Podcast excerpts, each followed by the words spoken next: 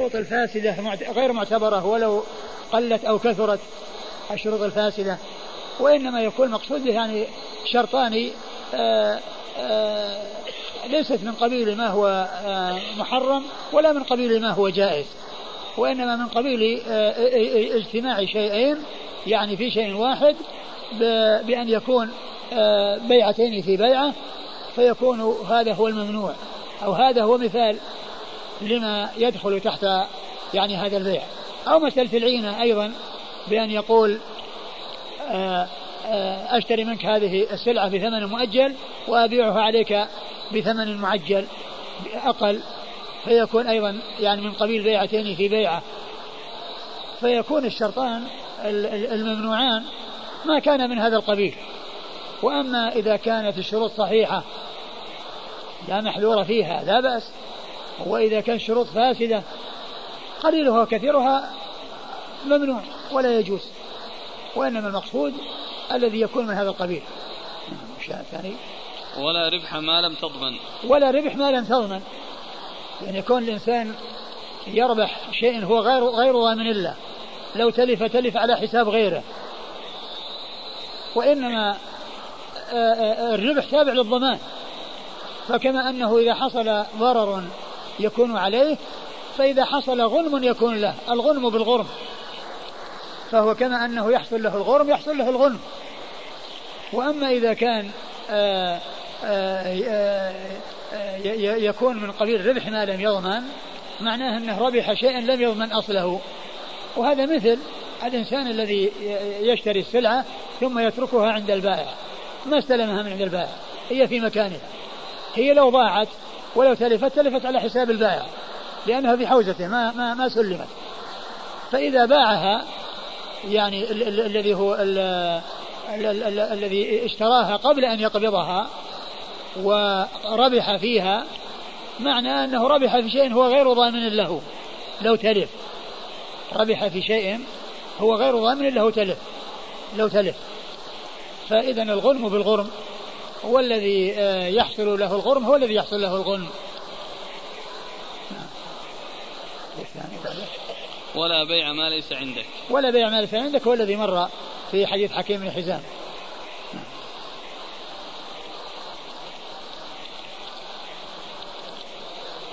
قال حدثنا زهير بن حرب.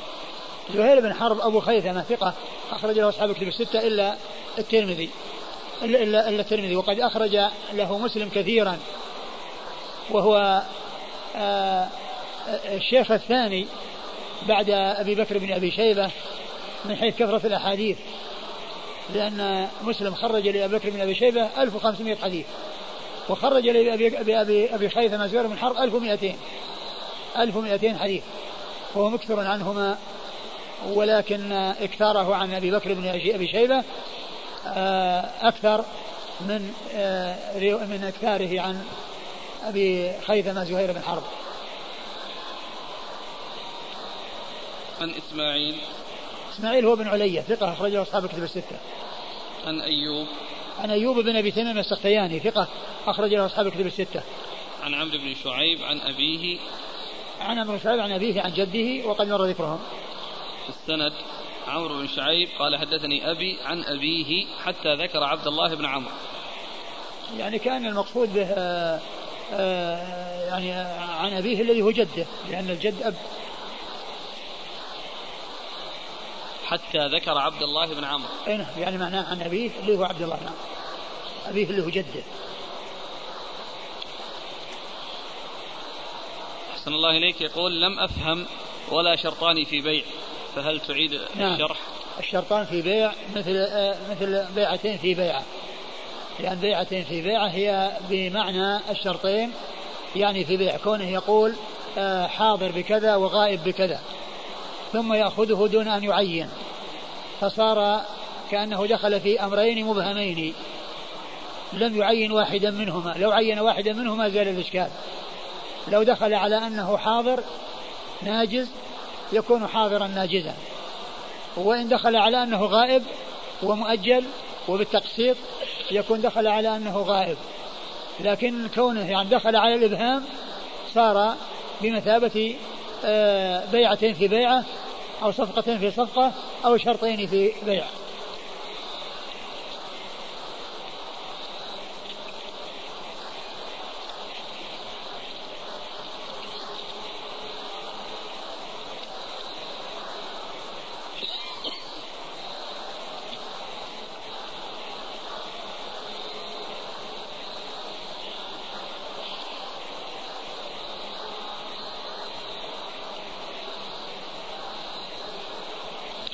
ذكره الخطابي قال ولا فرق بين أن يشترط عليه شيئا واحدا أو شيئين لأن العلة في ذلك كله واحدة وذلك لأنه إذا قال بعتك هذا الثوب بعشرة دراهم على أن تقصره لي فإن العشرة التي هي الثمن تنقسم على الثوب وعلى أجرة القصار. ما في بأس أقول مثل هذا لا بأس به ولا في محذور. كل إنسان يعني يشتري منه ويقول قصره أو اعمل فيه كذا أو كمله لا بأس بذلك.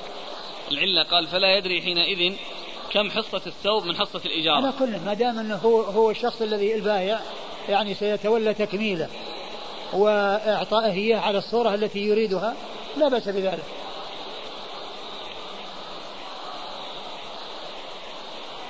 قال وإذا صار الثمن مجهولا بطل البيع وكذلك هذا في الشرطين وأكثر. وكل عقد جمع تجارة وإيجارة فسبيله في الحساد هذا السبيل. وكل عقد, كل عقد جمع تجارة وإجارة على كل في تفريق الصفقة معروف. تفريق الصفقة يمكن أنه يحصل البيع يعني بشيئين وتفرق الصفقة. بأن يكون هذا ما يستحقها وهذا ما يستحقها. يعني المقصد لابد يتفقون يعني كم السعر السو... كم سعر القماش وكم سعر الخياطة. حتى إذا حصل شيء يعرف سعر الثوب شيء. لا ليس بلازم. ليس بلازم لأنه إذا جاء إنسان عنده عنده القماش وهو الخياط ويتفق معه على أنه يعطيه إياه كامل يعني آه، بخيار بقماشه و و و وأجرة خياطته بكذا ما في بأس. يعني الشيء اللي ذكره أنه الثمن الآن مجهول ما ندري وش اللي. لو اختلف هو ما أدري. هو هو كما هو معلوم يعني هو كأنه باعه شيء جاهز.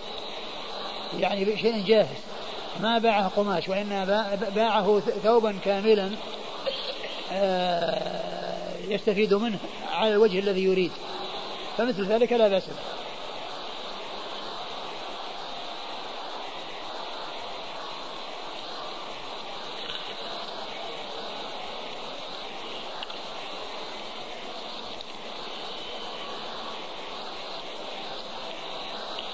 قال رحمه الله تعالى باب في شرط في بيع. قال حدثنا مسدد قال حدثنا يحيى يا بن سعيد عن زكريا قال حدثنا عامر عن جابر بن عبد الله رضي الله عنه قال بعته يعني بعيره من النبي صلى الله عليه وآله وسلم واشترطت حملانه إلى أهلي. قال في آخره تراني إنما ما كستك لأذهب بجملك خذ جملك وثمنه فهما لك. ثم ورد أبو داود باب في شرط في بيع. يعني أن معلوم أن الشرط في بيع إما أن يكون صحيحا وإما أن يكون غير صحيح. فإن كان صحيحا فالبيع صحيح والشرط صحيح. وإن كان غير صحيح فيفسد الشرط ويبقى البيع مثل قصة بريرة واشتراط أهلها الولاء لهم. فالرسول صلى الله عليه وسلم أقر البيع وألغى الشرط لأنه شرط باطل. وعلى هذا فالشروط إما أن تكون صحيحة يعني سواء كانت شرطا واحدا أو أكثر فالشروط معتبرة وإن كانت يعني غير صحيحة فهي فاسدة وغير معتبرة.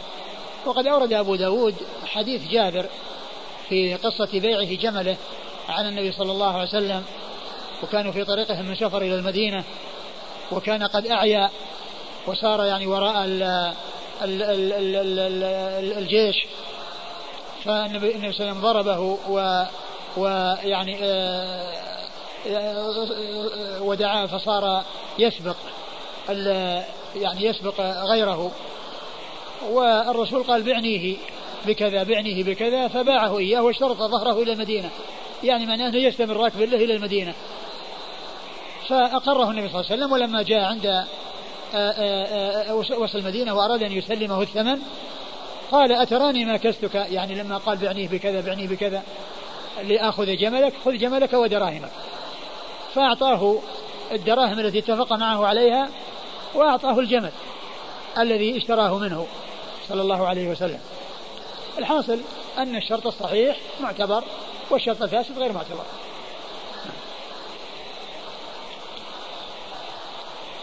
واشترطت حملانه إلى أهلي. أي نعم يعني كونه يركبه يركبه يعني إلى إلى أن يصل البلد إلى أن يصل المدينة لأن شرف في الطريق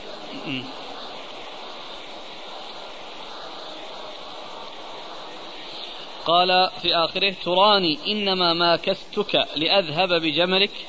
أي نعم يعني تراني لما قلت بعني بكذا بعني كذا أنني أريد أنني يعني أحصل جملك ب يعني برخص خذ جملك ودراهمك قال حدثنا أعطاه الدراهم وأعطاه الجمل صلى الله عليه وسلم قال حدثنا مسدد عن يحيى يعني بن سعيد يحيى بن سعيد القطان البصري ثقة أخرج له أصحاب الكتب الستة.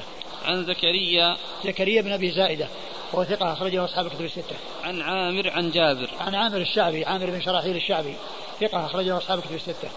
عن جابر بن عبد الله الأنصاري رضي الله تعالى عنهما وهو أحد السبع المعروفين بكثرة الحديث عن النبي صلى الله عليه وسلم. قال رحمه الله تعالى باب في عهدة الرقيق قال حدثنا مسلم بن إبراهيم قال حدثنا أبان عن قتادة عن الحسن عن عقبة بن عامر رضي الله عنه أن رسول الله صلى الله عليه وآله وسلم قال عهدة الرقيق ثلاثة أيام. بعده قال حدثنا هارون بن عبد الله قال حدثني عبد الصمد قال حدثنا همام عن قتادة بإسناده ومعناه زاد إن وجد داء في الثلاث في الثلاث ليالي رد بغير بينة. وإن وجد داء بغير بعد الثلاث كلف البينة أنه اشتراه وبه هذا الداء. قال أبو داود هذا التفسير من كلام قتادة. ثم ورد أبو داود باب في عهدة الرقيق. يعني الرقيق هو المملوك العبد الذي يباع ويشترى. فإذا اشترى عبدا فإنه يكون هناك ثلاثة أيام. إن وجد فيه عيب فإنه يرده بدون أن آه، يكون هناك بحث. وإن كان بعد ذلك كلف على أنه آه، أنه أنه باعه. قال باعه في هذا العيب أنه باعه. التفسير. إيه. إن وجد داء في الثلاث ليالي رد بغير بينة. نعم إن وجد داء يعني عيبا في الرقيق في مدة ثلاثة أيام رد من غير بينة وإن كان بعد الثلاث وإن وجد داء بعد الثلاث كلف البينة أنه اشتراه وبه هذا الداء. كلف المشتري أنه اشتراه وفيه هذا الداء. وهذا تفسير من بعض الرواة ولكن الحديث غير صحيح. الحديث غير صحيح أن الرقيق يعني يكون لثلاثة أيام وأن هذا خاص في الرقيق ما ما ما, ما ثبت في هذا شيء والحديث الذي ورد غير صحيح.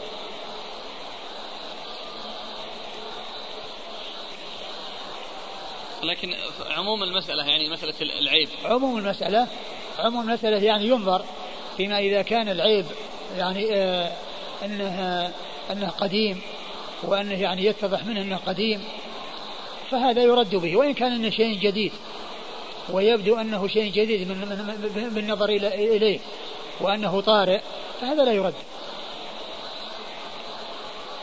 يعني فيه تفصيل قد يكون آآ آه، آآ آه، الشيء يعني آه، العيب يعني يظهر عليه أثر الجدة وأنه طارئ. وقد يكون آه، شيء آه، ليس كذلك. فالشيء الذي الذي يكون حدث في ملك المشتري وفي مدة الشراء لا يرجع به على البائع. والشيء الذي موجود من قبل هذا هو الذي يمكن إذا كان يرجع به أو يرجع بذلك العيب.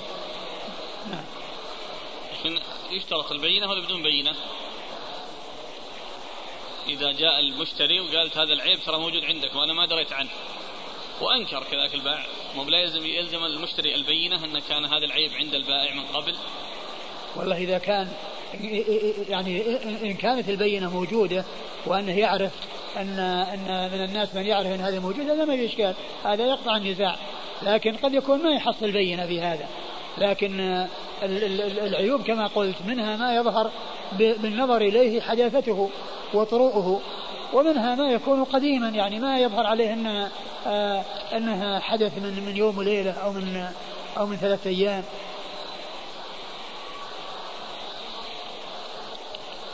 قال حدثنا مسلم بن إبراهيم. مسلم بن إبراهيم الفراهيدي ثقة أخرجه أصحاب كتب الستة. عن أبان أبان بن يزيد العطار ثقة أخرجه أصحاب كتب الستة. إلا ابن ماجه. ها؟ إلا ابن ماجه. إلا ابن ماجه نعم. عن قتادة عن الحسن. عن قتادة من دعامة السدوسي البصري وهو ثقة أخرجه أصحاب كتب الستة. عن الحسن بن أبي الحسن البصري وهو ثقة أخرجه أصحاب كتب الستة. عن عقبة بن عامر عن عقبة بن عامر الجهني رضي الله عنه وهو آه، صحابي أخرجه أصحاب كتب الستة. والإشكال فيه من ناحية آه، رواية الحسن عن عقبة قيل إنه لم يسمع منه فيكون فيكون مرسلا.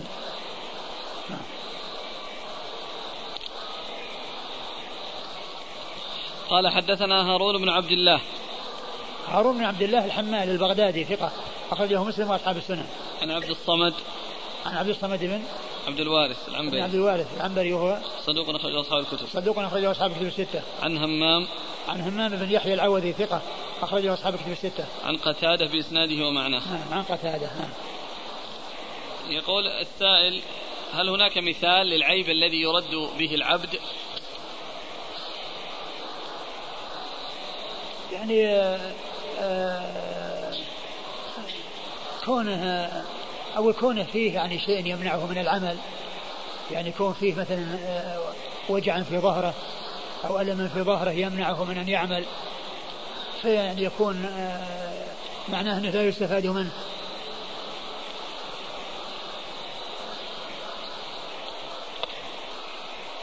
يقول ما هو حد هذا الداء؟ هل كل داء يكون عيبا؟ لا ليس كل داء يكون عيبا. يعني فيه أشياء بسيطة يسيرة مثل دمل أو ما إلى ذلك لا يؤثر. هذا يريد القياس. يقول هل يقاس عهدة الرقيق ثلاث أيام على الزوجة إذا وجد فيها عيب؟ أصلا الحديث مو صحيح مو صحيح حتى يقاس عليه. الأصل غير غير ثابت.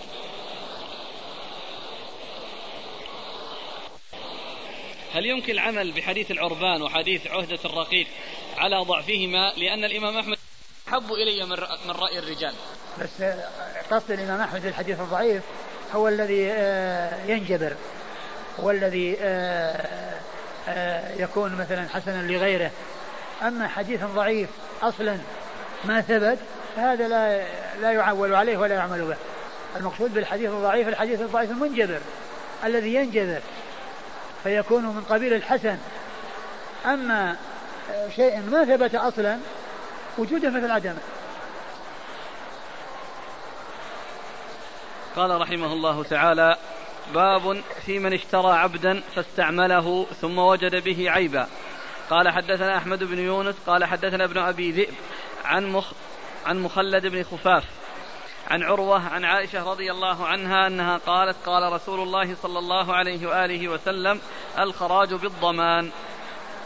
ثم ورد أبو داود هذه الترجمة باب من وجد في من اشترى عبدا فاستعمله ثم في من, في من اشترى عبدا فاستعمله ثم وجد به ثم وجد فيه عيبا يعني فرده بسبب العيب.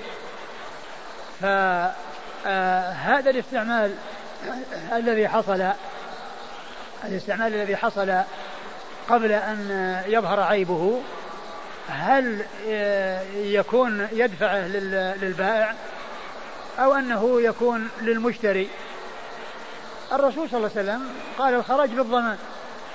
يعني فكما أن المشتري لو تلف تلف على حسابه فإذا آه، آه، هذا الخراج وهذا الاستفادة منه إنما تكون في مقابل الضمان. الخراج هو آه، يعني الفائدة والأشياء التي تحصل من وراء العبد. بالضمان يعني في مقابل الضمان يعني لو تلف تلف على حسابه إذا له الغنم كما أن عليه الغرم.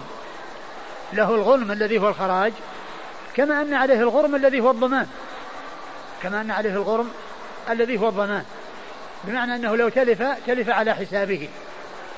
لأنه تلف في ملكه وتحت يده. ف لا يستحق البائع أن يعطى مقابل الاستخدام لأن الخراج بالضمان كما قال ذلك رسول الله صلى الله عليه وسلم. والخراج بالضمان معناه الغنم بالغرم. الغنم بالغرم فكما أنه لو آه، آه، تلف يتلف على حسابه إذا حصل فيه ربح يكون له. وقد سبق المرة بيع ما لم يضمن. بيع ما لم يضمن. يعني معناه أن أن أن, أن الذي له عليه الغرم هو الذي له الغنم.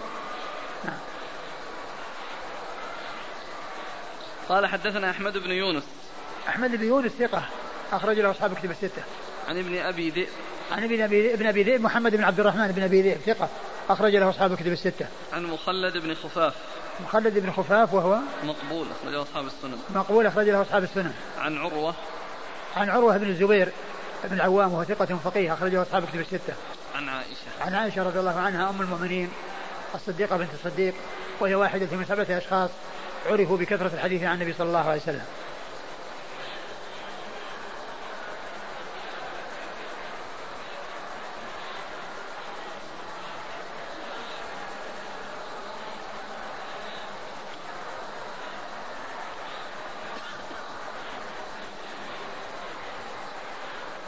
الحديث؟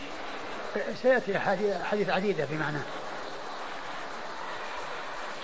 قال حدثنا محمود بن خالد قال حدثنا الفريابي عن سفيان عن محمد بن عبد الرحمن عن مخلد بن خفاف الغفاري قال كان بيني وبين أناس شركة في عبد فاقتويته وبعضنا غائب فأغل علي غلة فخاصمني في نصيبه إلى فخاصمني في نصيبه إلى بعض القضاة فأمرني أن أرد الغلة فأتيت عروة بن الزبير فحدثته فأتاه عروة فحدثه عن عائشة رضي الله عنها عن رسول الله صلى الله عليه وسلم أنه قال الخراج بالضمان.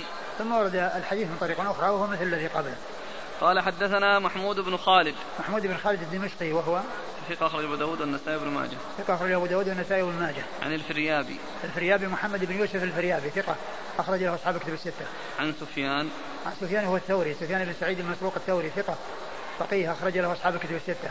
عن محمد بن عبد الرحمن. عن محمد بن عبد الرحمن هو بن هو بن أبي ذئب. يعني ذكر هناك منسوبا إلى جده وهنا ذكر باسمه واسم أبيه. عن مخلد بن خفاف الغفاري. نعم. قال كان بيني وبين أناس شركة في عبد فاقتويته. اقتويته يعني معناه استخدمته واستفدته استفدت منه. نعم.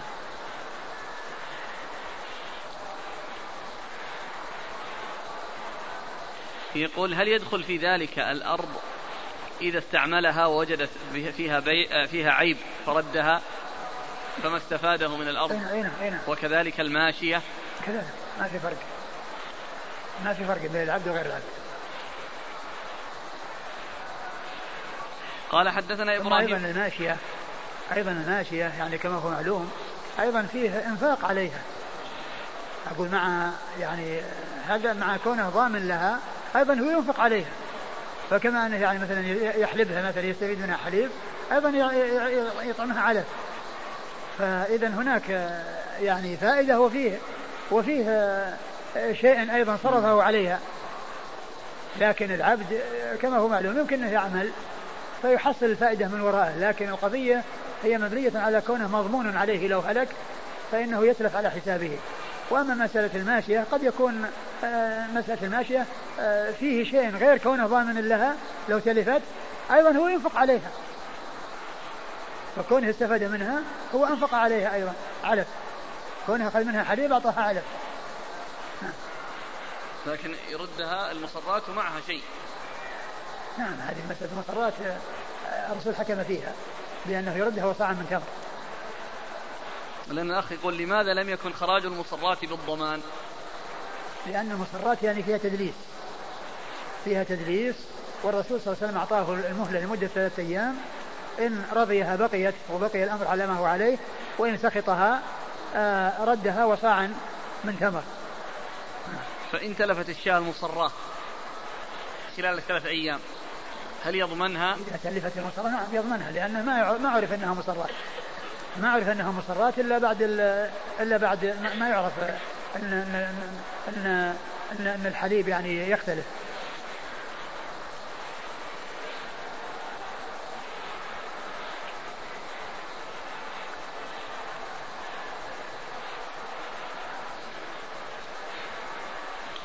هنا مك... الإسناد عن مخلد بن خفاف الغفاري عن عروة عن عائشة. اي نعم. لأنه قال آه كان بيني وبين أناس شركة في عبد فاقتويته. حصل يعني شيء على خلاف يعني الخراج في الضمان. فرجعوا إلى عروة بن الزبير فحدثهم بالحديث. لأن القاضي يعني أراد أنه يعني يحكم بغير بغير ما جاء في قصة الخراج بالضمان فبين أو رجعوا إلى عروة فبين أن حكم الرسول صلى الله عليه وسلم أنه خرج بالضمان نعم؟ إيش؟ إيش إيش اللفظ؟ قال فأغل علي غلة فخاصمني في نصيبه إلى بعض القضاة. فأمرني أن أرد الغلة. فأتيت عروة بن الزبير فحدثته. فأتاه عروة فحدثه. فحدثه ب... عن عائشة. بأنه ما يستحق أن يرد شيء. قال فحدث عن عائشة عليها السلام. هذه أقول هذه غريبة هذه غالبا ما تأتي عند عند فاطمة عليها السلام. وهذا من عمل المستاح مثل ما قال ذلك ابن كثير في تفسير قول الله عز وجل إن الله وملائكته يصلون على النبي. يا أيها الذين آمنوا صلوا عليه وسلموا تسليما. فقال إنه يأتي آه، آه، عند آه، في بعض الكتب فاطمة عليها السلام أو علي عليه السلام أو الحسن عليه السلام. أو وقال هذا من عمل النساخ نساخ الكتب وليس من عمل المصنفين والمؤلفين. الناس عندما يأتي ينسخ الكتاب يأتي عند ذكر يقول عليه السلام. وإلا فإن الصحابة يعاملون معاملة واحدة كما قال ذلك ابن كثير رحمه الله عند تفسير آية آه، الأحزاب. إن الله وملائكته يصلون على النبي يا أيها الذين آمنوا صلوا عليه وسلموا تسليما.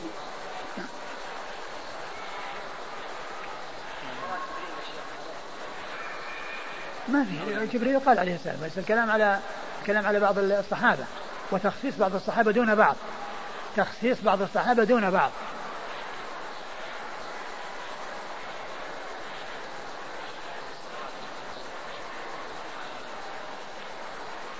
هذا ضمن المشتري إذا تلفت في قبل أن يعرف أنها مصرات فإنها في ضمن المشتري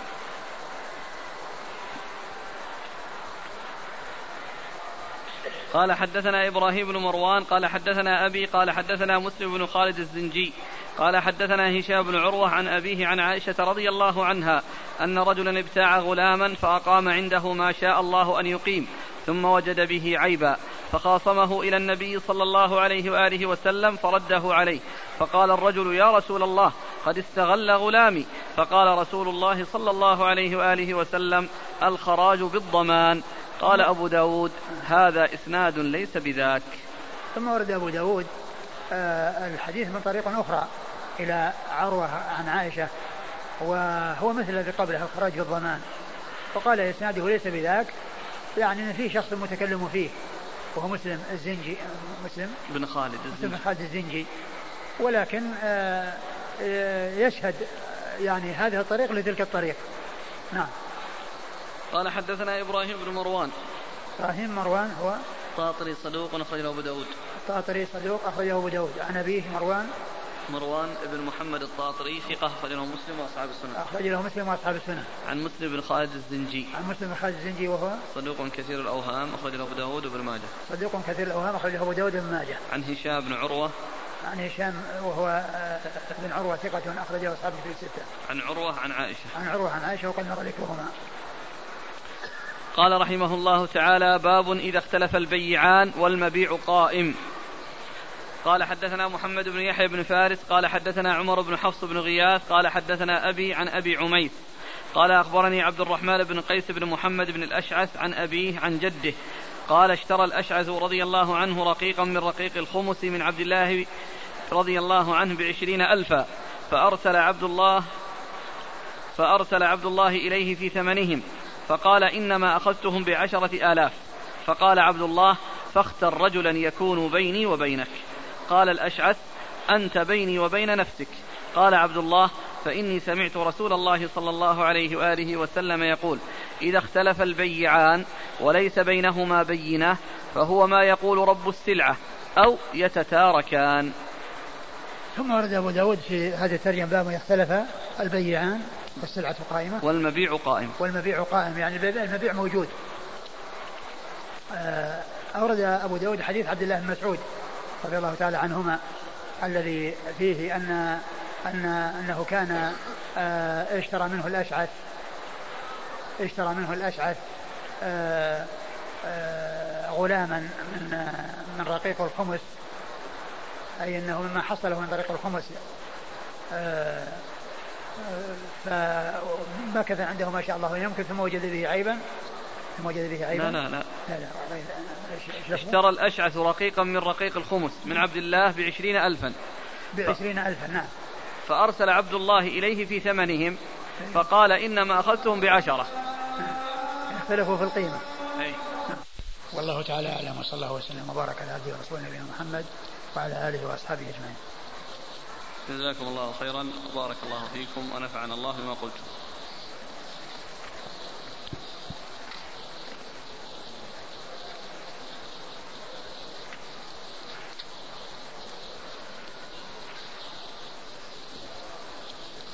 يقول السائل ماذا يترتب على البائع المخادع من أحكام شرعية إن ثبت خداعه؟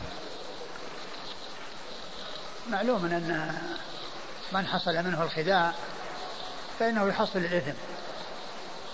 وإذا كان ترتب على خداعه أكل أموال الناس بالباطل فيكون الأمر أشد والأمر أخطر. لا من أحكام يعني في الله. من أحكام إيش؟ يعني أحكام شرعية الآن مثلا في البيع والشراء. إذا تبين أنها الآن باعنا بخديعة. ماذا يترتب؟ نرد السلعة نأخذ الثمن نأخذ الأرش. إذا كان فيه إذا كان فيه غبن مبين لا شك ترد السلعة.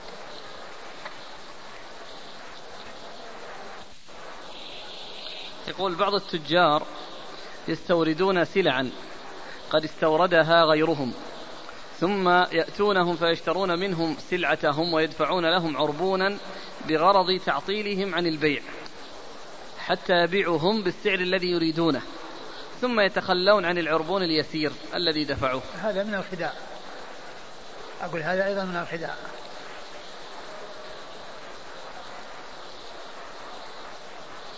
إذا جاء المشتري وطلب مني سلعة فقلت له انتظر فاذهب عند أحد المحلات فأذهب عند أحد المحلات وآخذ منه السلعة على أن أردها له بعدما أتحصل عليها وأبيعها للمشتري. على أن أردها.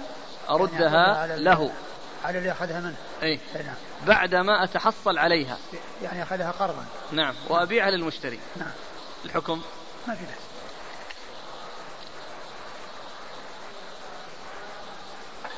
إذا اتفقت مع المشتري على سعر ثم قلت سوف آتيك بها وهي ليست عندي. لم أقبض الثمن اتفقت معه على سعر. كون إذا إذا كان تم البيع على هذا لا يجوز. وإن كان قال الأسعار هي كذا وكذا فأنا ولا يوجد عندي ولكن أذهب يعني إن وجدت عند غيري جئتك بها ما في بأس. لكن كونه يتم معه اتفاق والسلعة غير موجودة هذا هو الذي مر أنه ليس لا يبيع ما ليس عنده طيب هذا يقول كثير من أصحاب الذهب يقولون تقول له أريد كذا وكذا فيقول انتظر. فيذهب ويأتي من المحل الثاني ثم يبيعه ثم يدفع للمحل الذي اشترى منه. ما في ما في بس ما دام أنه ما تم بينهم بيع فكونه ذهب وأتى يعني بشيء من من جارة أو محل ثاني ثم جرى البيع بينهما ما في بس وإنما المحذور أن يكون باع. جرى بينه وبين البيع ثم راح يأتي له.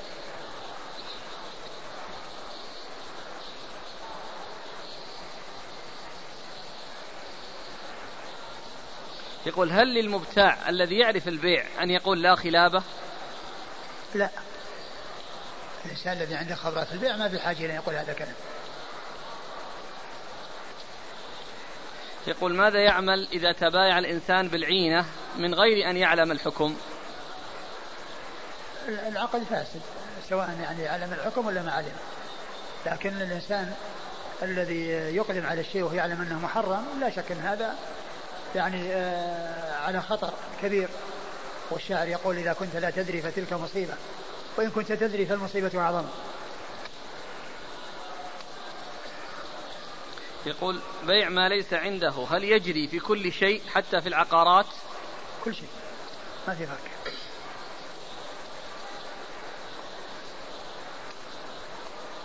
بعض المحلات التجارية إذا لم تكن عنده السلعة يتصل على جاره فإذا علم أنها موجودة عند جاره أخذ المبلغ من المشتري وأعطاه ورقة يحوله إلى جاره ليأخذ منه السلعة ثم هو يحاسب جاره فيما بعد. هذا يعني يبدو أنها أنه يعني ليس أنه باع ما ليس عنده. هل يجوز أن يقول ليس عندي ولكن أتصل وأسأل الشركة الموزعة؟ ثم يسألهم فيقولون عندنا فيقول أبيعه لك بكذا فهل أطلبه لك من الشركة أو لا؟ هذا ما في نفس بعض شركات قطع غيار السيارات لها فروع فإذا طلبت القطعة من أحد هذه الفروع قال لك ادفع الثمن وبعد أيام ستأتينا طلبية من الشركة الأصلية. أو إذا كان أن الشيء يعني ما هو موجود وطلب منهم أنهم يحضرون له وهو يعني شيء معروف. فهذا ما في بس يعني كونه آه، يعطيهم من أجل أن يحضروا له لأنهم يمكن ما هم حاضرين. ما هم حاضرين يعني وهم يعرفون أنها ستباع لأن بعض القطع يمكن ما عليها سوق وإنما آه، يبنون على الطلب. فإذا كان سعرها معروف وهو موكل لهم يعتبر بمثابة الوكالة. ذهبت لأستأجر شقة من شخص. من شخص كان مستأجرا لها من صاحب المنزل فاشترط علي شراء ما في الشقة من متاع لكي أستأجرها فهل هذا جائز؟ ما في بس كونه يقول أنا ما أنا ما ما أجر الشقة إلا إنسان يأخذ يعني هذه الأشياء نعم يعني إذا كان ما يريد يتركها هل هناك مثال للبيع دون ضمان؟ البيع دون ضمان؟ اي في الحديث وبيع ما ما لم ما لم تضمن.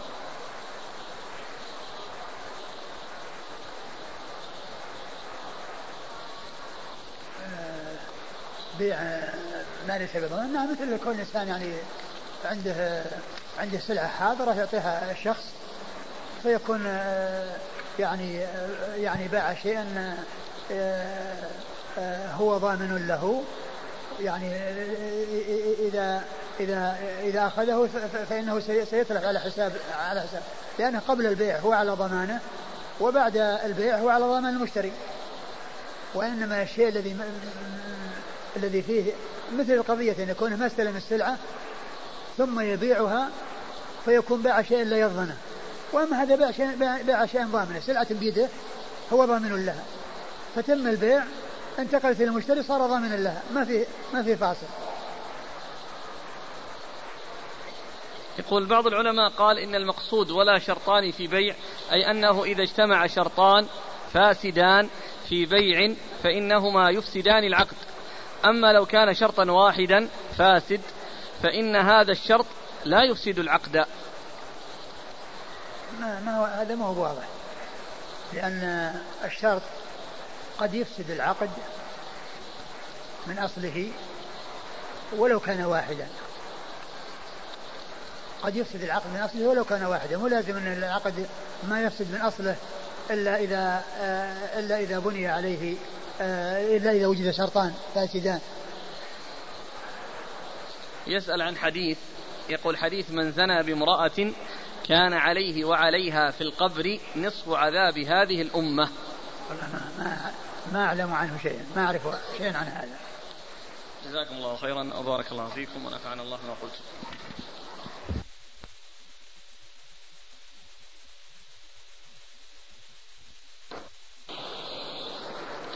بسم الله الرحمن الرحيم. الحمد لله رب العالمين والصلاة والسلام على عبد الله ورسوله نبينا محمد وعلى آله وصحبه أجمعين. أما بعد قال الإمام أبو داود السجستاني رحمه الله تعالى باب إذا اختلف البيعان والمبيع قائم. قال حدثنا محمد بن يحيى بن فارس قال حدثنا عمر بن حفص بن غياث قال حدثنا أبي عن أبي عميس قال أخبرني عبد الرحمن بن قيس بن عبد بن محمد بن الأشعث عن أبيه عن جده أنه قال اشترى الأشعث رضي الله عنه رقيقا من رقيق الخمس من عبد الله رضي الله عنه بعشرين ألفا. فأرسل عبد الله إليه في ثمنهم فقال إنما أخذتهم بعشرة آلاف. فقال عبد الله فاختر رجلا يكون بيني وبينك. قال الأشعث أنت بيني وبين نفسك. قال عبد الله فإني سمعت رسول الله صلى الله عليه وعلى آله وسلم يقول إذا اختلف البيعان وليس بينهما بينة فهو ما يقول رب السلعة أو يتتاركان. بسم الله الرحمن الرحيم الحمد لله رب العالمين وصلى الله وسلم وبارك على عبده ورسوله نبينا محمد وعلى آله وأصحابه أجمعين. أما بعد يقول الإمام أبو داود السيستاني رحمه الله تعالى باب فيما إذا اختلف البيعان والسلعة قائمة أي أنها موجودة لم تستهلك فما الحكم؟ آه، أورد أبو داود رحمه الله حديث عبد الله مسعود الذي فيه أنه اشترى أو أنه باع على الأشعث رقيقا بعشرين ألف ولما جاء يتقاضاه الثمن أعطاه أو قال إن له عشرة آلاف. فكان الاختلاف في قيمة السلعة أو قيمة المبيع هل هي عشرين أو عشرة؟ فابن مسعود يقول إنها, إنها, إنها عشرون والأشهد يقول إنها عشرة. فقال عبد الله اختر رجل يكون بيني وبينك يعني نتحاكم إليه. فقال أنت بيني وبين نفسك؟ فروى حديث رسول الله صلى الله عليه وسلم أنه قال إذا اختلف البيعان فالقول قول البائع أو يتتاركان أي أنهما آه، يتفقان على إنهاء العقد وأن الثمن أن السلعة ترجع إلى صاحبها وإن آه، أو يحلف البائع أو أن القول قول البائع يعني مع يمينه ويكون القول قوله فيكون المشتري يدفع المقدار الذي ادعاه البائع الذي الذي هو عشرون ألفا. وذكر السلعة قائمة هذا ما جاء في الحديث. وإنما جاء في بعض الطرق من طريق رجل متكلم فيه وفيه رجل متكلم فيه ولكنه يمكن أن يكون مفهوم من قضية المتاركة لأن قضية المتاركة يعني معناها أن السلعة ترجع إلى صاحبها وهذا إنما تكون حيث تكون قائمة وحيث تكون موجودة. والحديث يدل على أن القول قول البائع. وإذا قيل القول قول البائع فإنه يكون مع يمينه. عندما يقال القول قول فلان أي مع يمينه. نعم. قال حدثنا محمد بن يحيى بن فارس. محمد بن يحيى بن فارس الذهلي ثقة أخرجه البخاري وأصحاب السنن. عن عمر بن حفص بن غياث.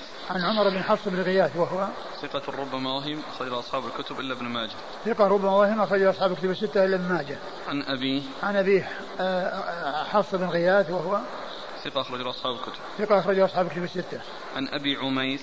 عن أبي عميس وهو عتبة بن عبد الله بن عتبة بن مسعود وهو ثقة أخرج أصحاب الكتب الستة.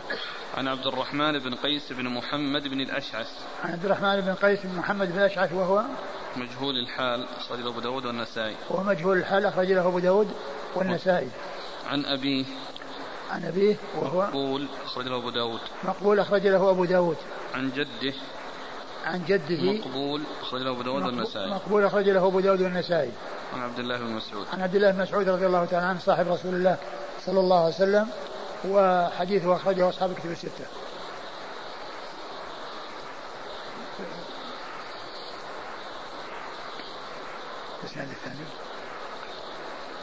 قال حدثنا عبد الله بن محمد النفيلي قال حدثنا هشيم قال أخبرنا ابن أبي ليلى عن القاسم بن عبد الرحمن عن أبيه أن ابن مسعود رضي الله عنه باع من الأشعث بن قيس رضي الله عنه رقيقا فذكر معناه والكلام يزيد وينقص.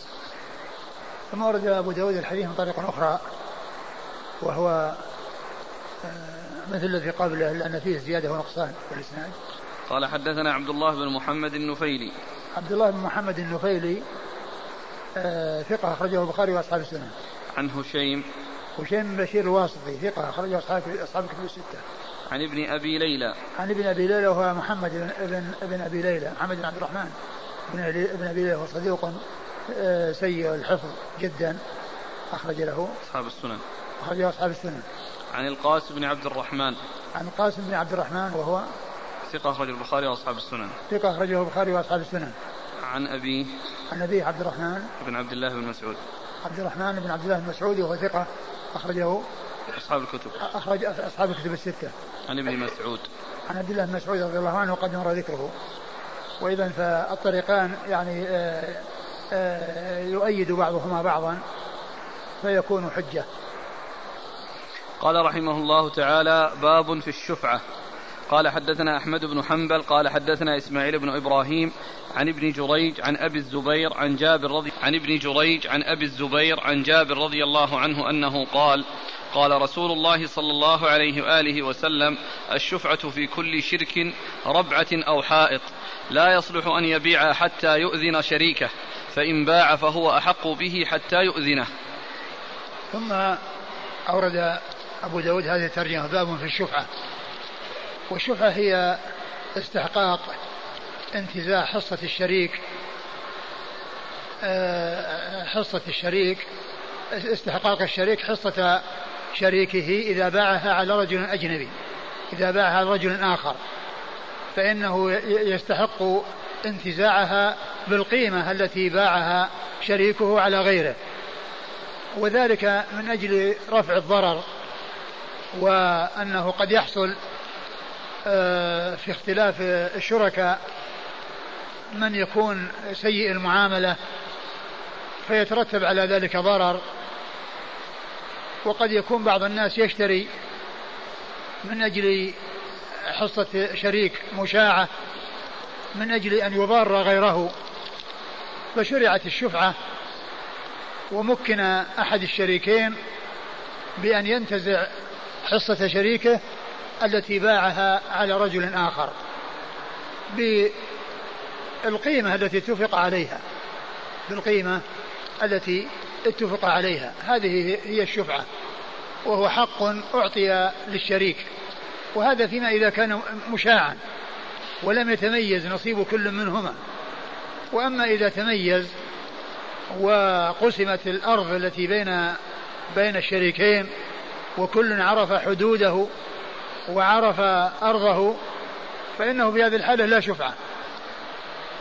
لأن الاشتراك قد ذهب وصارت نصيب وصار نصيب كل واحد معلوما متميزا لا يقال إنه شريك.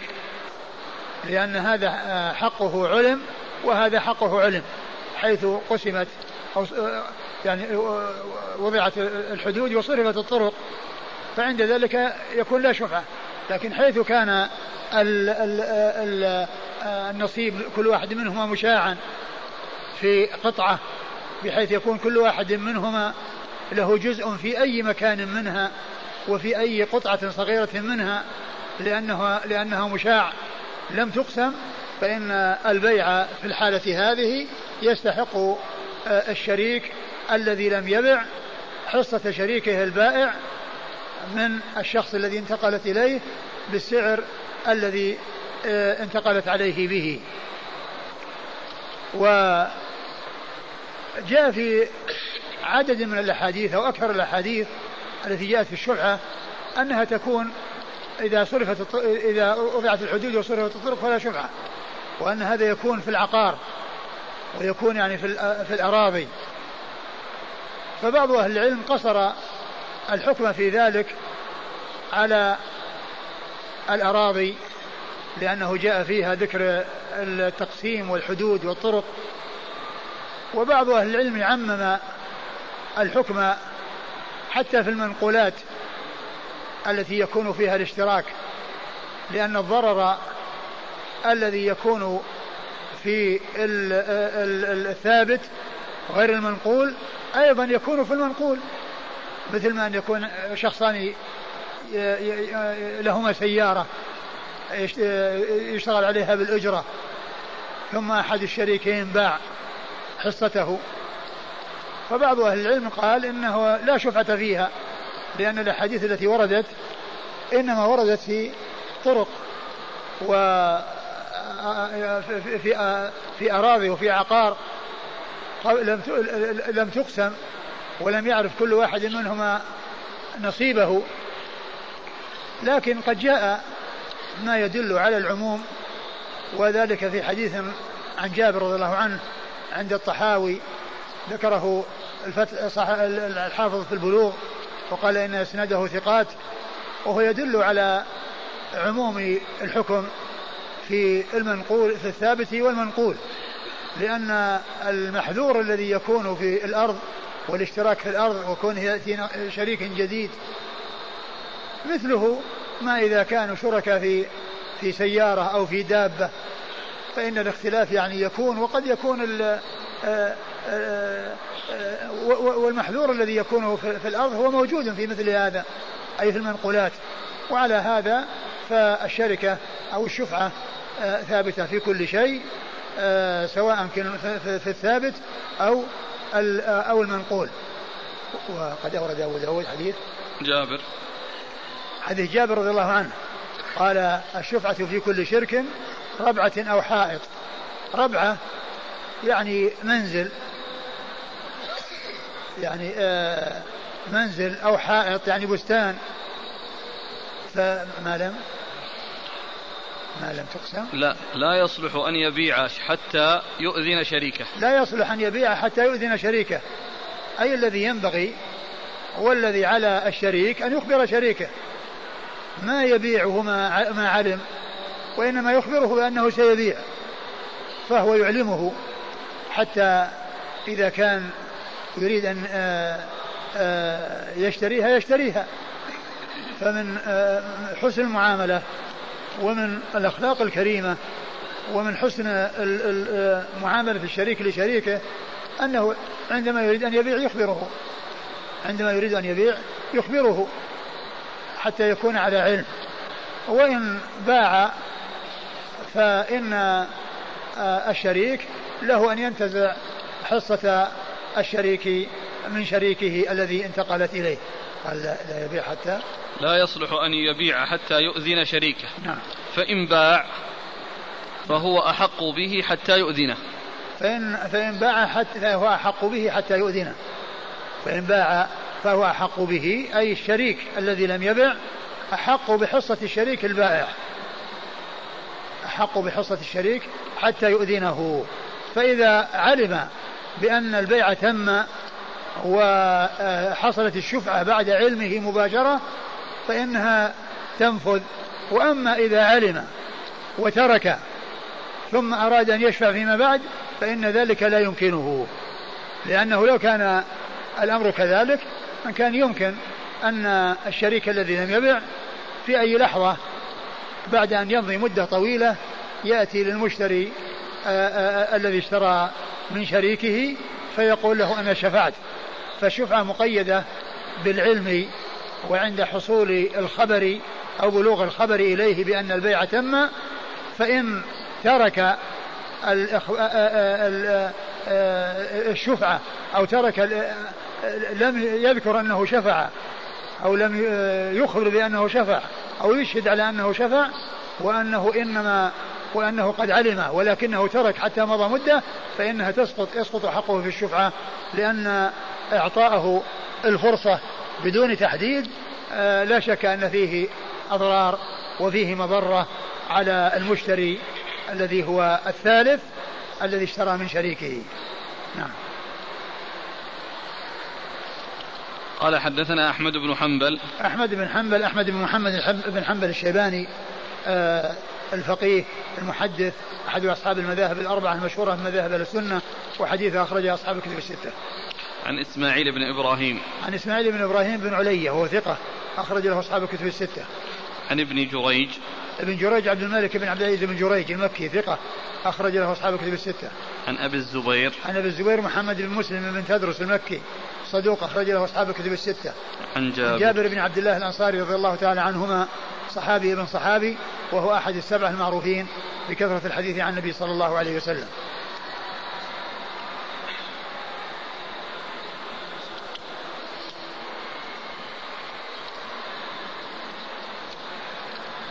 الحديث اللي في البلوغ من أخرجه ذكرتم؟ الطحاوي. وهو عن جابر أيضا. الطحاوي عن جابر. الشفعة في كل شيء. الشريك يأخذ يشفع بنفس السعر الذي باع به. إي نعم. فالأخ يقول إذا الشريك رفع السعر بالاتفاق مع المشتري ليضر شريكه آه، آه، معلوم ان ان آه، أن قضية الشفعة قد تحصل وقد لا تحصل ما هي محققة لأن المشتري الشريك قد لا يشفع. فكونه كونه يعني يصير مقصود أنه من أجل الاضرار بالشريك والشريك يعلم ان يعلم أن الشريك يعني يرغب ذلك لا شك أن هذا هذا لا يسوغ ولا يجوز ولكن آه كونه آه كونه يعني آه يؤخذ بالشيء الذي تم به البيع نعم يؤخذ بالشيء الذي تم به البيع. وإذا كان أنه قد زاد في السعر وأنه حصل إضرار فإن الذي حصل منه ذلك الإضرار آثم مثل النجش في النجش وهو الزيادة في السلعة لمن لا يريد شراءها. فإنه يكون آثما والبيع يعني يصح.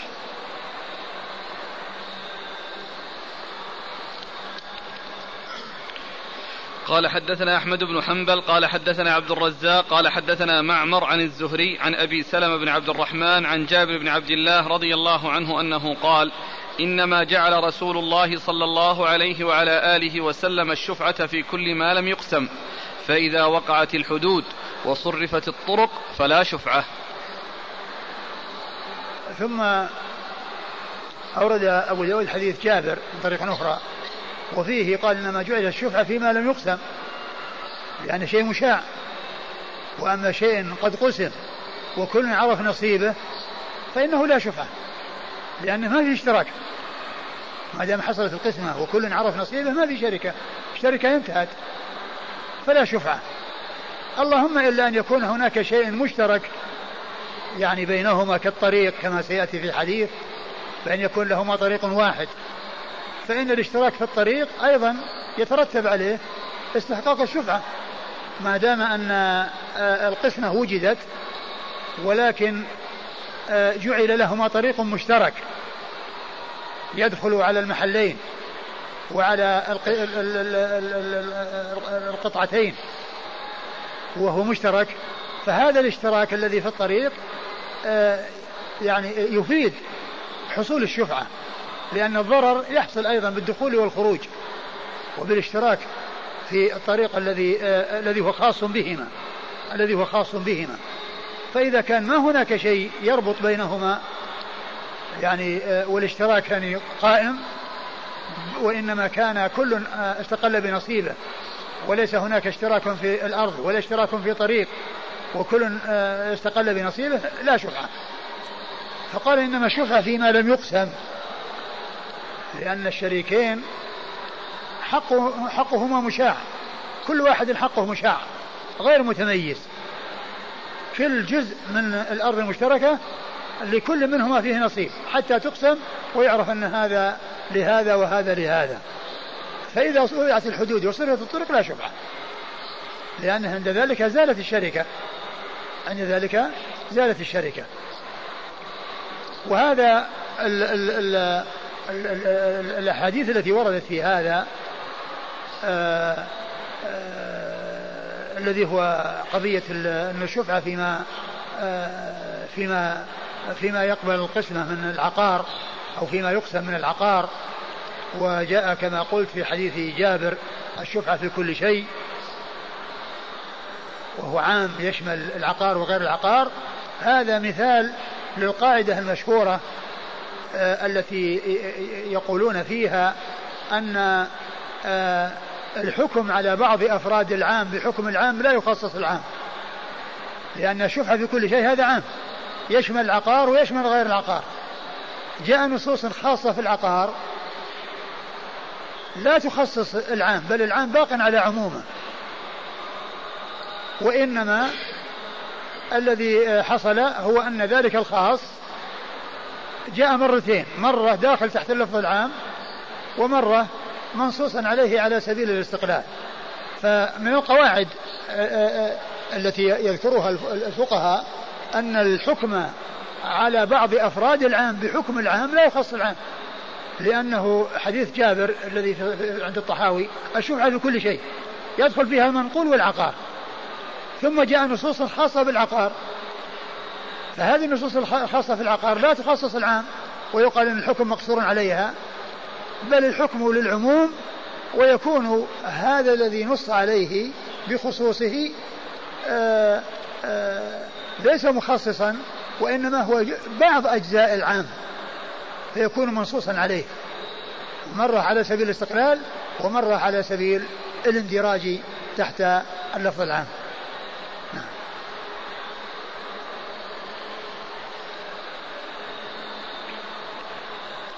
قال حدثنا أحمد بن حنبل عن عبد الرزاق عبد الرزاق بن همام الصنعاني اليماني ثقة أخرج له أصحاب كتب الستة عن معمر عن معمر بن راشد الأزدي البصري ثم اليماني وهو ثقة أخرج له أصحاب الكتب الستة. عن الزهري عن الزهري وهو محمد بن مسلم بن عبيد الله بن شهاب الزهري ثقة أخرج له أصحاب الكتب الستة. عن أبي سلمة بن عبد الرحمن. عن أبي سلمة بن عبد الرحمن بن عوف وهو ثقة فقيه أخرج له أصحاب الكتب الستة. عن جابر. عن جابر رضي الله عنه وقد مر ذكره. يقول الأخ هل يجب إخبار الشريك أو يبيع ثم يخبره؟ إخبار الشريك قبل أن يبيع هو الذي آه، هو الذي يليق بمكارم الأخلاق. لكنه لو باع ولم يخبره فإن له حق الشفعة ولو أخبره ولم يحصل منه شراء ولكنه باع فأيضا له حق الشفعة.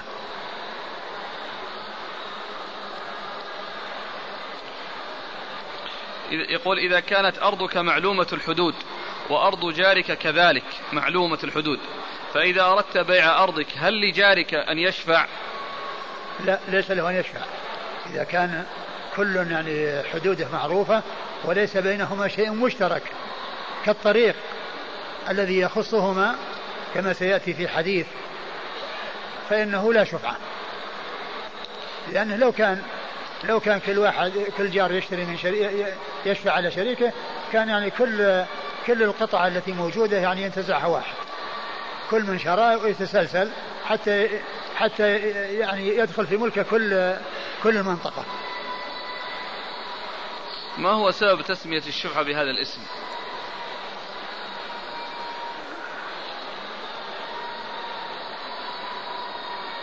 ما ما أدري. اللهم إلا أن يكون إنها توصل إلى آه، ضم الجزئين وأن يكون الشيء المفرد آه، ينضم إليه شيء آخر فيكون بمثابة الشفع اللي هو حصة الشريك. هذه الحكمة الحكمة هي الضرر لكن كلام التسمية سبب التسمية لا أدري. اللهم إلا أن يقال أن هذا أن أن قطعته التي آه، يملكها الشريك أنه استحق أن يضم إليها حصة شريكه فيكون شفع آه، حقه بحق شريكه. قال حدثنا محمد بن يحيى بن فارس قال حدثنا الحسن بن الربيع قال حدثنا ابن إدريس عن ابن جريج عن ابن شهاب الزهري عن أبي سلمة أو عن سعيد بن المسيب أو عنهما جميعا.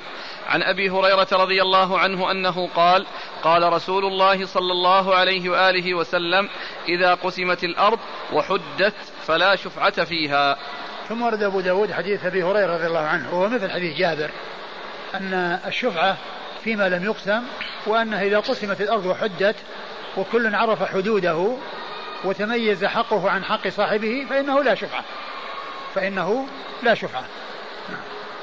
قال حدثنا محمد بن يحيى بن فارس عن الحسن بن الربيع الحسن بن الربيع هو ثقة أخرجه أصحاب الكتب. ثقة أخرجه أصحاب الكتب الستة. عن ابن إدريس.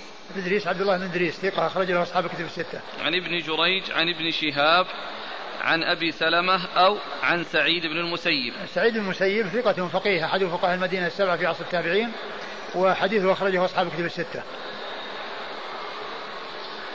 أو عنهما جميعا. أو عنهما جميعا. يعني ما يؤثر كونه يعني واحد منهما يكفي. عن أبي هريرة. نعم. عن أبي هريرة عبد الرحمن بن صخر الدوسي رضي الله عنه صاحب رسول الله صلى الله عليه وسلم وأكثر أصحابه حديثا على الإطلاق. قال حدثنا عبد الله بن محمد النفيلي. قال حدثنا سفيان عن إبراهيم بن ميسرة أنه سمع عمرو بن الشريد أنه سمع أبا رافع رضي الله عنه قال أنه سمع النبي صلى الله عليه وسلم يقول الجار أحق بسقبه. ثم ورد أبو داود حديث آه، جابر حديث آه، أبي رافع رضي الله عنه أن النبي صلى الله عليه وسلم قال الجار أحق بسقبه فهذا الحديث يريدون في كتاب الشفعة. ومن العلماء من قال بشفعة الجار. و ومنهم من قال إنه لا يكون له شفعة إلا إذا كان هناك اشتراك في أمر آخر غير الأرض وهو الطريق. أو مثلا المسيل يكون يعني مسيل آه، يعني مجرى الماء الذي السيل يكون آه، آه، يعني لهما جميعا. أو غير ذلك من الأمور المشتركة التي يحصل النزاع فيها لو بقيت.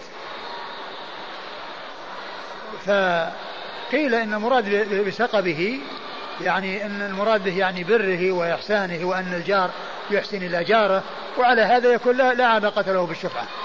ومنهم من يقول إن المراد بذلك الشفعة ولكن الأحاديث التي وردت في أنه إذا وضعت الحدود يصير الطرق لا شفعة تدل على أنه لا شفعة. اللهم إلا أن يكون هناك اشتراك في أمر آخر غير الاشتراك في الأرض ويحصل بسببه الخلاف والنزاع فعند ذلك تصير الشفعة لا من أجل الجوار ولكن من أجل الاشتراك في مثل الطريق الذي سيأتي ذكره في آه، حديث عن النبي صلى الله عليه وسلم نعم. الجار أحق بسقبه نعم. سقب سقبه فسر بأن المقصود به الشفعة يعني حصول الشفعة وفسر بأن المقصود به البر والإحسان وأن الجار أحق بإحسان جاره وببره ومعروفه ومعلوم أنه جاءت السنة في نصوص كثيرة في الإحسان إلى الجار والحث على الجار. ثبت في الصحيحين عن عائشة رضي الله عنها أن أن النبي صلى الله عليه وسلم قال ما زال جبريل يوصيني بالجار حتى ظننت أنه سيورثه. قال حدثنا عبد الله بن محمد النفيلي عبد الله بن محمد النفيلي ثقة أخرج له البخاري وأصحاب السنن. عن سفيان عن سفيان وهو بن عيينة ثقة أخرج له أصحاب الكتب الستة. عن إبراهيم بن ميسرة. إبراهيم ميسرة ثقة أخرج له أصحاب الكتب. أصحاب الكتب الستة. عن عمرو بن الشريد. عن عمرو بن الشريد وهو ثقة أخرجه أصحاب الكتب إلا الترمذي في الشمائل. ثقة إلا أخرجه أصحاب الكتب الستة إلا الترمذي فقد أخرج له في الشمائل. عن أبي رافع. عن أبي رافع مولى رسول الله صلى الله عليه وسلم وحديثه أخرجه أصحاب الكتب. أصحاب الكتب الستة.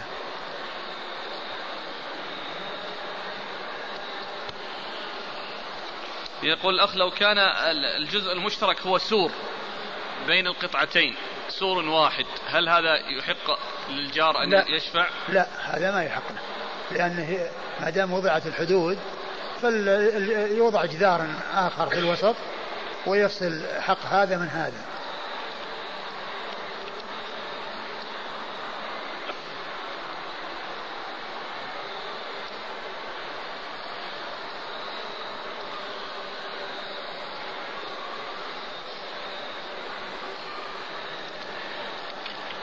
قال حدثنا أبو الوليد الطيالسي قال حدثنا شعبة عن قتادة عن الحسن عن سمرة رضي الله عنه عن النبي صلى الله عليه وعلى آله وسلم أنه قال جار الدار أحق بدار الجار أو الأرض. ثم ورد أبو داود حديث سمرة ابن جندب رضي الله عنه قال جار الدار أحق بدار الجار أو أرضه. يعني معناه آه، آه، يعني فيما يتعلق بالشفعة. يعني فيما يتعلق يعني بالشفعة. وكما هو معلوم إذا كان أن أن أن كل شيء متميز فالأمر كما جاء في الأحاديث السابقة إذا وضعت الحدود وسرفت الطرق فلا شفعة. ولكنه من حيث مكارم الأخلاق وكون الجار يعرض على جاره ويخبر جاره حتى ولو كان ما له شفعة من أجل أنه إذا أراد أن يتوسع في هذه الأرض المجاورة أو في هذا البيت المجاور له وأنه يستفيد منه. أن هذا من الأمور الطيبة التي ينبغي أن تكون بين الجيران. قال حدثنا أبو الوليد الطيالسي. أبو الوليد الطيالسي هشام بن عبد الملك ثقة أخرج له أصحاب الكتب الستة. عن شعبة عن شعبة بن الحجاج الواسطي ثم البصري ثقة أخرج له أصحاب الكتب الستة. عن قتادة. عن قتادة من دعامة السدوسي البصري ثقة أخرج له أصحاب الكتب الستة. عن الحسن. عن الحسن بن أبي الحسن البصري ثقة أخرج له أصحاب الكتب الستة. عن سمرة. عن سمرة رضي الله عنه وقد أخرج حديثه أصحاب الكتب الستة. والحديث من رواية الحسن عن سمرة ولكنه موافق للحديث الذي مر جار وحقه بسقبه.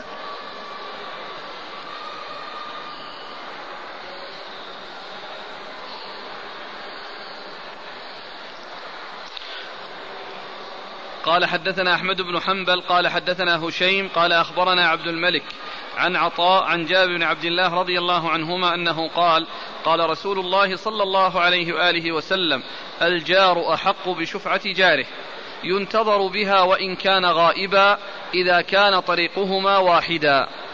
وهذا حديث جابر. نعم. حديث جابر رضي الله عنه أن الجار أحق الجار أحق بشفعة جاره. جاره ينتظر بها ولو كان غائبا إذا كان طريقهما واحدا. فقوله إذا كان طريقهما واحدا هذا هو الذي فيه يعني بيان أن أن الشفعة تكون مع الجوار ومع آه، تميز حق كل واحد منهما وذلك آه، لحصول الاشتراك في الطريق. حصول الاشتراك في الطريق لأن الاشتراك في الطريق أيضا يؤدي إلى الخصومات وإلى المنازعات مثل ما كان يؤدي الاشتراك في الأرض المشاعة.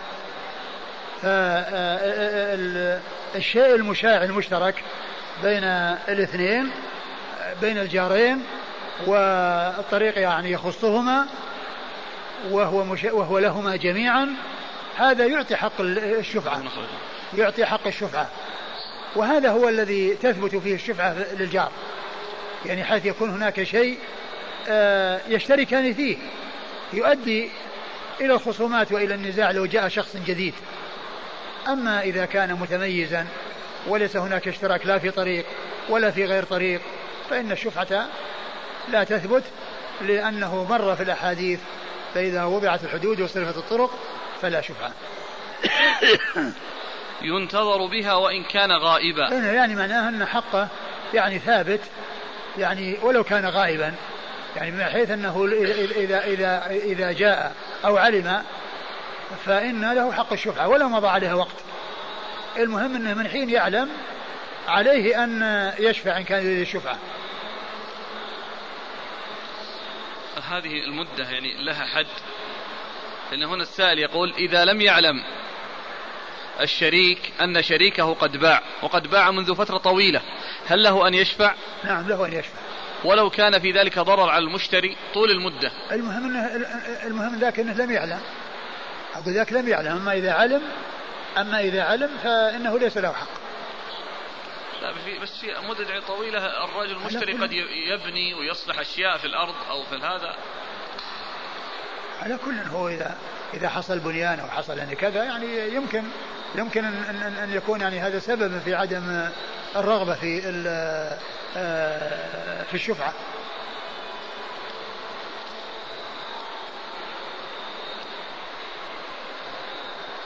ولكن الآن كما هو معلوم الاتصالات سهولة الاتصالات يمكن أن يعلم الإنسان أو يخبر أو يتصل به ويقال له فإن شفع الحمد لله ما شفع بقية البيع على ما هو عليه.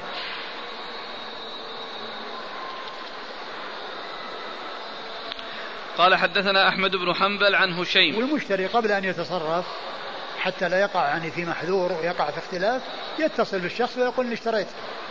فإن شفع انتهى وإن لم يشفع بقي البيع على ما هو عليه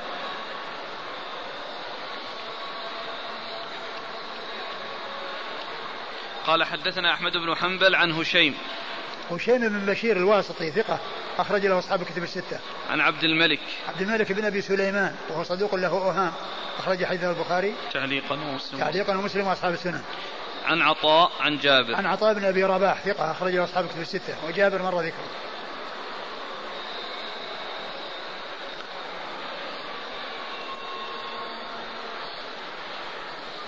يقول أخ ألا يمكن حمل أحاديث الجار على أنه الجار في السكن فيكون له حق الشفعة في المقسوم وحمل الأحاديث الأخرى على الشريك غير المساكن فيكون جمع بين الأحاديث الجار في السكن إيش معنى الجار في السكن يعني جار لكنهم قاسم قد قاسمه. يعني جارهم جاره في المثل الآن في البيوت. طيب هذا هذا قال في جيران إيه فهو يقول ألا يمكن حمل الأحاديث أنه يحق له الشفعة كذلك على أنه جار مساكن. وحديث الأخرى على الجار المشارك.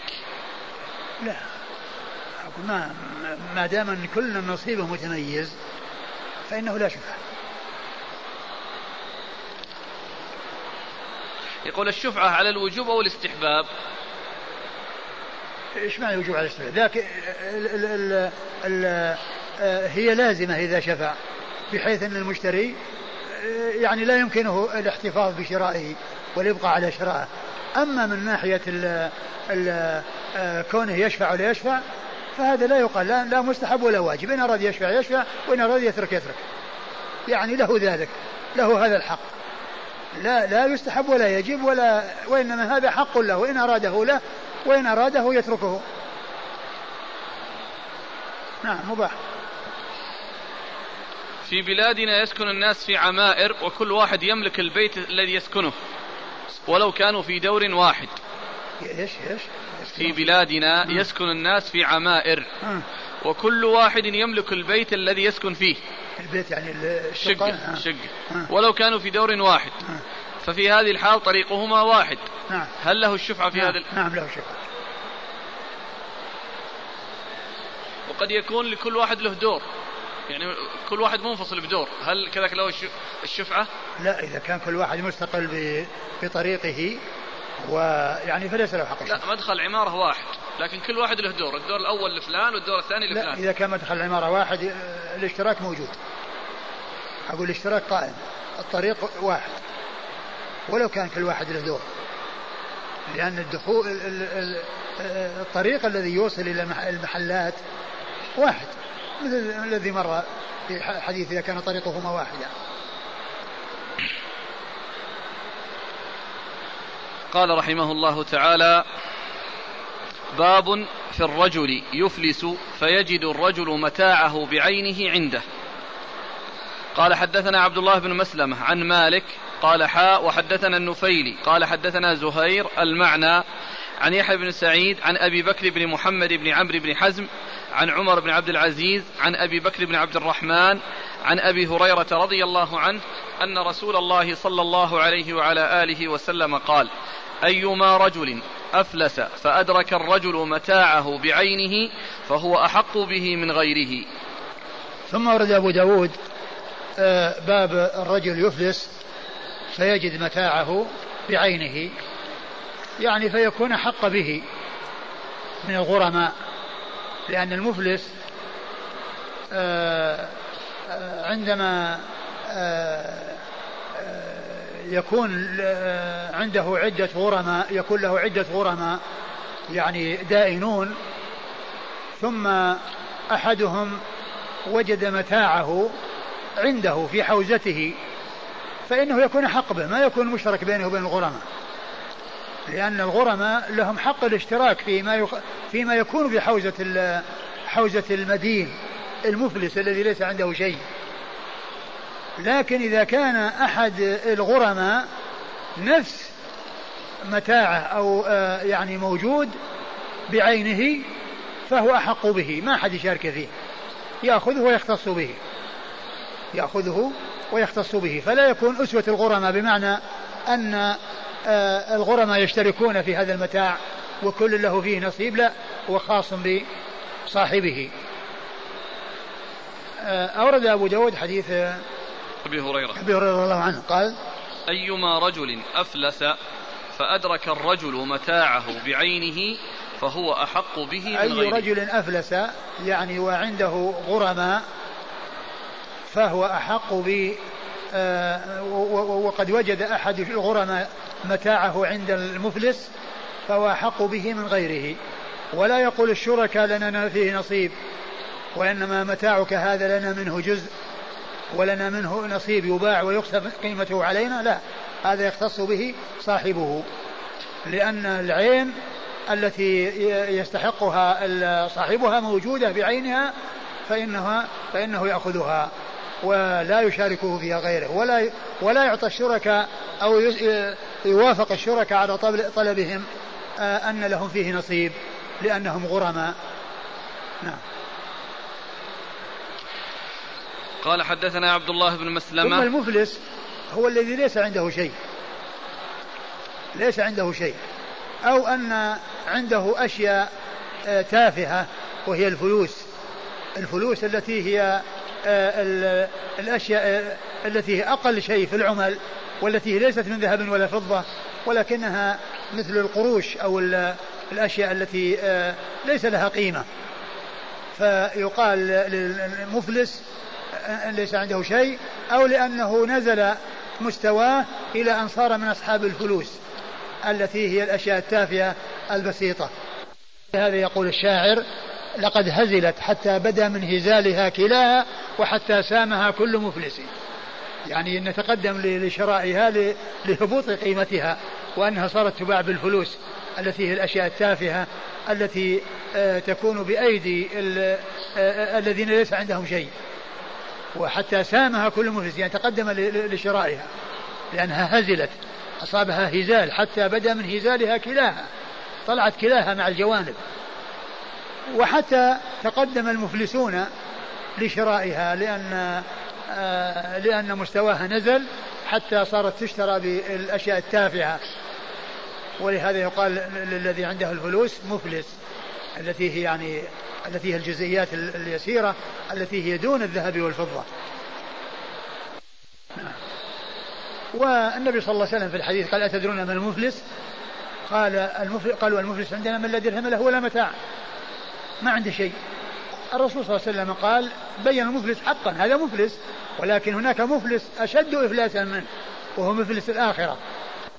بصلاة وزكاة وصيام وحج ويأتي وقد شتم هذا وضرب هذا وسفك دم هذا فيعطى لهذا من حسناته وهذا من حسناته فإن فنيت حسناته قبل أن يقضى ما عليه أخذ من سيئاته فطرح عليه ثم طرح في النار.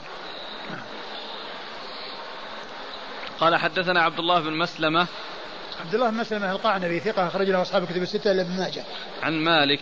مال- مالك بن أنس إمام دار الهجرة المحدث الفقيه أحد أصحاب المذاهب الأربعة المشهورة من مذاهب أهل السنة وحديث أخرجه أصحاب الكتب الستة. قال حا وحدثنا النفيلي عن زهير. النفيل مر ذكره وزهير هو بن معاوية ثقة أخرجه أصحاب الكتب الستة. المعنى عن يحيى بن سعيد. يحيى بن سعيد القطان ثقة أخرج له أصحاب الكتب الستة. يحيى بن سعيد. يحيى بن سعيد الأنصاري ثقة أخرجه أصحاب الكتب الستة. عن أبي بكر بن محمد بن عمرو بن عن حزم أبي بكر بن محمد بن عمرو حزم وهو ثقة أخرجه أصحاب الكتب الستة. عن عمر بن عبد العزيز. عن عمر بن العزيز- بن عزيز وهو ثقة أخرج له أصحاب الكتب. أصحاب الكتب الستة. عن أبي بكر بن عبد الرحمن. عن أبي بكر بن عبد الرحمن بن, بن الحارث بن هشام. وهو ثقة أخرجه أصحاب الكتب الستة. عن أبي هريرة. عن أبي هريرة وقد مر ذكره. قال حدثنا عبد الله بن مسلمة عن مالك عن ابن شهاب عن أبي بكر بن عبد الرحمن بن الحارث بن هشام أن رسول الله صلى الله عليه وآله وسلم قال أيما رجل باع متاعا فأفلس الذي ابتاعه ولم يقبض الذي باعه من ثمنه شيئا فوجد متاعه بعينه فهو أحق به. وإن مات المشتري فصاحب المتاع أسوة الغرماء. ثم أورد أبو داود ال- الحديث ولكنه مرسل عن أبي بكر بن عبد الرحمن بن الحارث بن هشام أن الإنسان إذا ابتاع شيئا ثم أفلس المشتري ووجد متاعه بعينه فهو أحق به من الغرماء وأنه إن مات فإنه يكون أسوة الغرماء لأنه صار ميراث. يعني يعني معنى حالة الحياة غير حالة الموت. كونه وجده والمشتري المشتري حي فإنه يختص يحق به. وأما إذا كان قد مات فإنه يعتبر الذي خلفه ميراث ويكون آه ويكون أسوة الغرماء. يكون أسوة الغرماء. ومعلوم أن الدين مقدم على الميراث وعلى الوصية. فهو يعني ما يكون ميراث إلا بعد ما آه، يخرج الدين وتخرج الوصية. وقوله أسوة الغرماء يعني معناه أن آه، أنهم يستحقون آه، الاشتراك فيه يعني بعد موته. ولعل الفرق بين حالة الحياة وحالة الموت أن حالة الحياة أنه يعني صاحبه يعني لا يزال وأنه يمكن أنه يعمل ويمكن أنه يحصل ويوفي. وأما إذا مات خلاص انتهى. نعم. قال حدثنا عبد الله بن مسلمة عن مالك عن ابن شهاب عن أبي بكر بن عبد الرحمن بن الحارث بن هشام أن رسول الله صلى الله عليه وسلم مر ذكرهم. حديث. هذا مرسل قلنا. المسألة اللي ذكرها الخطابي رحمه الله وهي مسألة إذا دفع بعض الثمن. إيش الراجح في القول من القولين اللي ذكرهما قال ذهب مالك إلى جملة ما في هذا الحديث وقال إن كان قبض شيئا من ثمن السلعة فهو اسمة الغرماء.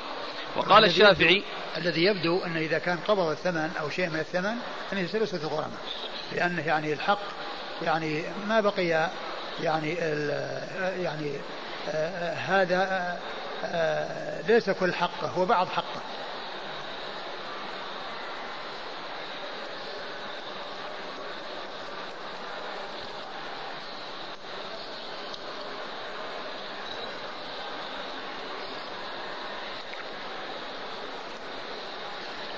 وهذا من أمثلة القاعدة التي مرت أيضا التي قلناها في الباب السابق وهي أن الحكم على بعض أفراد العام بحكم العام لا يخصص العام لأن الأول مطلق من وجد متاعه.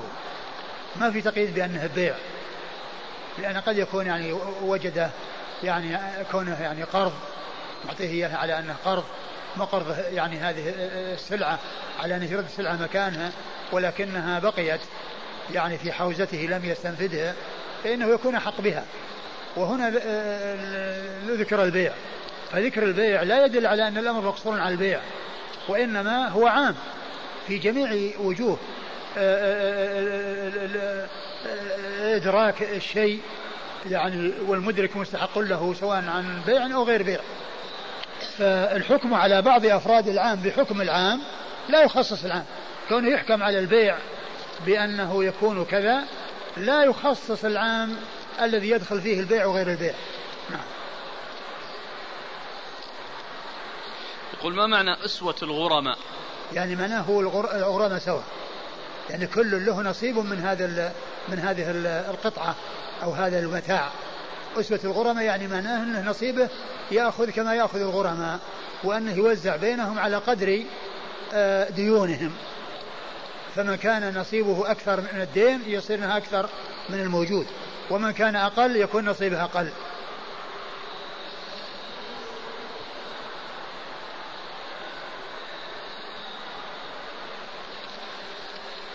الآن الحديث مرسل فالحكم على هذه الزيادة. سيأتي حديث. أقول سيأتي.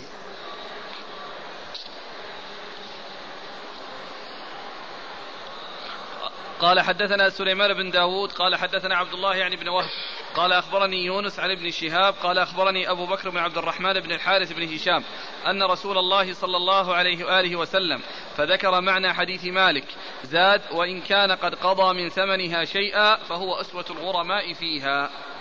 نعم وهذا مثل الذي قبله لأن فيه زيادة أنه إذا قضى من ثمنه شيئا فهو أسوة الغرماء لأن المتاع لم يبقى متمحضا له لأنه قد وصل إليه بعض قيمته. نعم. قال حدثنا سليمان بن داود. سليمان بن داود المهري المصري ثقة أخرجه أبو داود والنسائي.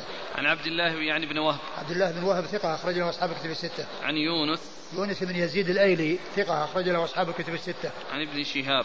ابن شهاب مر ذكره. عن أبي بكر بن عبد الرحمن بن الحارث بن هشام. مر ذكره. قال حدثنا محمد بن عوف الطائي. قال حدثنا عبد الله بن عبد الجبار يعني الخبائري. قال حدثنا إسماعيل يعني بن عياش عن الزبيدي قال أبو داود وهو محمد بن الوليد أبو الهذيل الحمصي.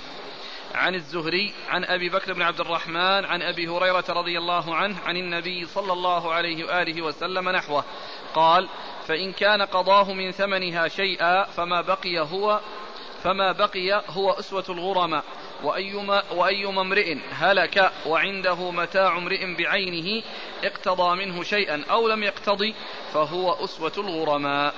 ثم ورد أبو داود حديث أبي هريرة وهو يعني الذي مر مرسل عن طريق أبي عبد الرحمن وهنا متصل.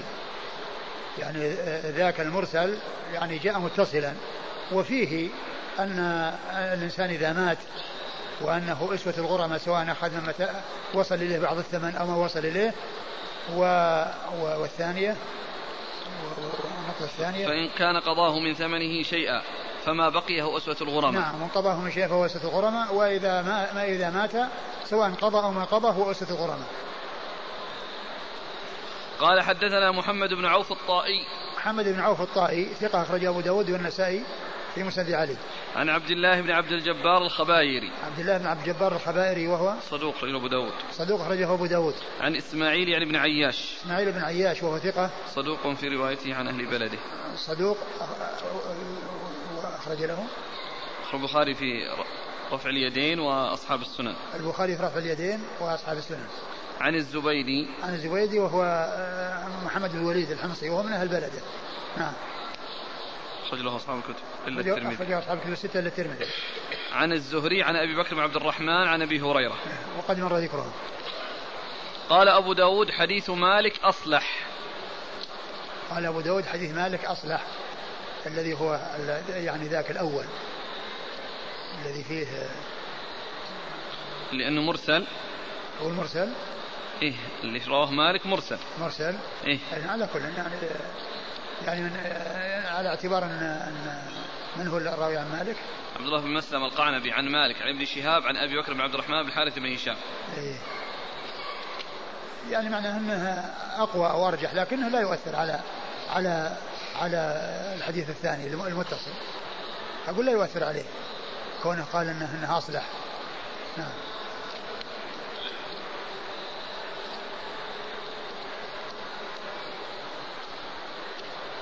كلام الخطابي ما يصلح. يقول وهذا الحديث مسندا من هذا الطريق يضعفه أهل النقل في رجلين من رواته. ورواه مالك مرسلا. فدل أنه لا يثبت مسندا. من هم الرجلين؟ ها؟ من هم؟ أقرب أقرب ما يصلح أن يعود إليه إما إسماعيل وعبد الله بن عبد الجبار. هذول هو اللي فيهم كلام. لكن الحافظ حكم عليهم بأنهم صدوقين. نعم. يعني أقول الحديث ثابت. وإن كان وجد يعني كلام في في بعض الرجال لكنه لا يؤثر.